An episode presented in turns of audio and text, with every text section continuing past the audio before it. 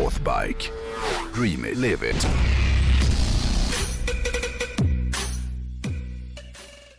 Ja, så här inför det nya året så vänder vi lite på, på steken. Det är väl du som kör Dealer med hojen den här veckan? Ja, jag tänkte prata lite stil. Har vi, har, har vi pratat om Bösezuko tidigare? Mm, vi har jag tror varit- vi har pratat om det i bilsammanhang, för det finns ju där också. Ja, Mm. bu, bu, bö, Buzuzuku. Säger man Bösezuko? Jag vet inte hur Eller det uttalas. Bosezuko? Förklara vad det är istället om det är någon Ja, som jag, vi- det. jag tror vi har snuddat vid det tidigare. Men det finns ju väldigt mycket med den japanska kulturen som man bara älskar. Fullständigt. Hur de går all in på subkulturer och hur de ofta tar liksom amerikanska stilar och så adderar de steroider på det. Mm. Alltså Elvis-frisyrerna de blir liksom fem decimeter höga. Och axelvaddarna på Marlon Brando skinnjackorna de är så breda så att de måste gå i sidled för att ta, ta sig igenom dörrar. Och, Mm, mm, mm. och sen när de bygger custombilar och hojar så är de generellt mera fria i sin tolkning. I Sverige bygger vi ju klassiska customs exakt så som de ser ut i USA. I Japan bygger man dem med fri tolkning, alltså de är roligare och vildare. Liksom. Mm. Och en sån här ungdomssubkultur som lever och frodas i Japan och ingen annanstans i världen, det är ju då Buzuzuku. Buzuzuku. Ja, just det. Fritt översatt Running out of control tribe. Mm. Alltså det vilda gänget. Mm, vi är så snyggt. galna så Va? vi bara... Och den här kulturen hittar man ju både inom- MC-bil och även lastbilskulturen ju, eller små pickisar. Ja. Jag ska inte avbryta dig. Men, men du är helt rätt. För, Mm. för liksom de finns, de är utspridda i, i många genrer. Mm. Men där de är eh, liksom starkaste. De, de är ju i första hand ett bikergäng. Det var så de utvecklades. Mm. Och sen har vissa då leviterat mer mot, mot bilar och, och sen lastbilar också. Mm. Men bara namnet är ju briljant. Alltså, det vilda gänget. Ja, det är härligt. Eh, och, och redan på 50-talet, alltså efter kriget, så började Bososuko ploppa upp. Och den här subkulturen växte fram med inspiration då från insmugglade amerikanska ungdomsfilmer och westernfilmer. Alltså exakt samma premisser som när hemvändande amerikanska soldater bildade gäng för att stilla sin adrenalin och samtidigt aktivt liksom ställa sig utanför samhället. Så Bososuko är ju slarvigt uttryckt eh, liksom en japansk motsvarighet till de tidigare greaser-gängen i USA, eller Hells Angels. Mm, just det. Och om vi då först tittar på stilen, Mm. då bar man eh, nästan alltid då fabriksoveraller, alltså även kallade boiler suits. Och till det här så adderade man höga läderstövlar, inte helt olikt kamikazepiloter. Mm. Och sen sydde man på då Japanese Imperial Flag patchar och, och så skrev man en massa slogans på overallerna. Lite som KTH gör idag. Ja. Blandaren! Ja, här var det blandaren! Ja. Och kläderna som de bar kallas för Tokufuku. Tokufuku. Mm, eller Special Attack Clothing. Ja. Ganska dåligt namn, Ja. men ändå fränt. Eller?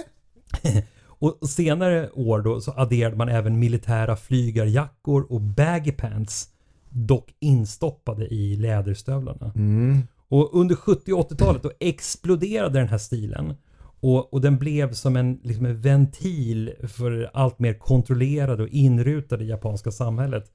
Eh, som mer än övriga världen handlade om att foga sig och ställa sig i ledet liksom. Mm. Så att det var inte ovanligt att man åkte omkring med över 100 motorcyklar och spred skräck.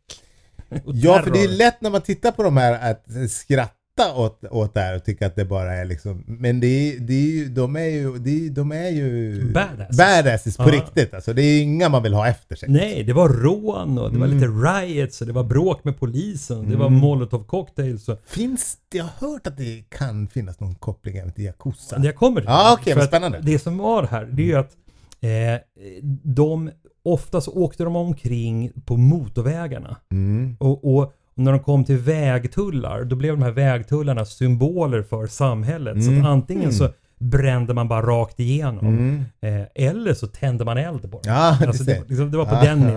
ja. Och, och det här gjorde ju att man ofta såg eh, Bosse Soko på nyheterna. Mm. Och, och det gjorde att ännu fler ungdomar sökte sig till de här gängen. Mm. Så att 1982 då räknar man att Bosse Soko hade 42 510 medlemmar. Oj. Eh, men sen under 90-talet då avtog den här populariteten. Dels för att regeringen gav polisen mer resurser. För tidigare kunde man gripa folk för reckless driving. Men nu skrev man om lagen så att reckless driving även innefattade att åka i grupp. Aha, ja. Och att åka utan hjälm och att åka utan ljuddämpare. Eh, och så fick de beslagta fordonen. Så det blev liksom krångligare för Bosse Soko eh, att, Att här, härja omkring. Liksom. Och sen det som du var inne på. Det, det finns ju ett faktum och det var ju kopplingen då till den organiserade brottsligheten. För i de här barkgängen så fanns det en hel del kriminellt organiserade. Inte alla, men en hel del. Eh, Men eftersom Soko till en majoritet består av ungdomar mellan 16 till 22 år. Ja, de är så un- unga. De är Mm, väldigt unga. Då brukar man även beteckna dem som inkörsporten till Yakuza. Jaha ja. Det vill säga Ah, den ja. riktiga organiserade maffian i Mm, Japan. mm, mm. Och polisen kallade även... eh, Ja, det känns som att det är ett bra ställe att va- värva ur. Ja, ja. folk som redan har gjort uppror. I, ja. Exakt så. Så polisen kallade dem för pseudo-yakuza. Mm, mm. Eh, och nästan all kriminell nyrekrytering går då via Bosse Soko. Mm. Eh, och, och trots sin, sin unga ålder så är de väldigt så här, hierarkiskt organiserade med olika symboler och ansvarsområden. Och idag då är de runt 6000 medlemmar utspritt över hela Japan. Mm.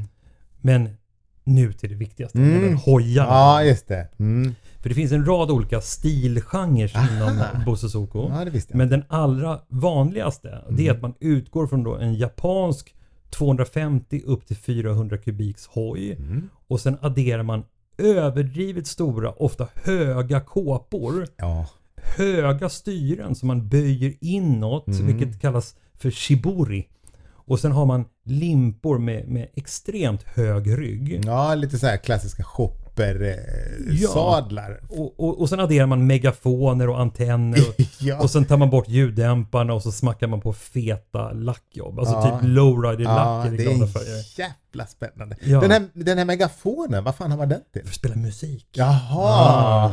Ah. Men det, det är lite som att man parar amerikanska shoppers Mm. med brittiska kaféracers Ja. och eh, amerikanska lowriders. Och sporthojar, för då Och har ju den sporthojar. konstiga kåpan där fram. är ja, den är ju mer sport. så här kaféracerkåpor. Ja, liksom. just det. Men de har- de har ju även stretchat gamla ut dem. GT-hojar. Liksom. Exakt, Ja, mm. race. ja. Och, men men det, sen finns det ju de som då sätter en kåpa, sen sätter de en kåpa på kåpan. Och sen sätter de en tredje kåpa på Mm. Ja, kåpan. just Så det är liksom ett höghus de bygger liksom längst fram. Eh, men det som gör det här spännande, det är ju det kulturella. För skulle det komma ett Bosse på Sveavägen, Mm. då skulle ju folk stanna och garva. Det är ju som leksaksmotorcyklar Ja. som är byggda för barn. Mm, det är det. Och i Japan så är det gangsters som kommer slå ner tänderna i halsen på dig Ja. om du garvar. Liksom. Mm, mm, mm. Vi, ska, vi lägger upp lite Bosse Soko-bilder Ja, det får vi verkligen på göra. Insta. Men, men eh, det här är ju det är, det är spännande med sådana här trender som, som är liksom förankrade i det kriminella. Ja, och väldigt lokala. För Bosse Soko har ju inte spritt sig den här stilen utanför Japan överhuvudtaget. Inte alls. Nej, nej. Fasen vad kul! Mm, det Ja. var ve- veckans hoj. Ja, gud vad roligt. Arr. Ja, hojar, precis.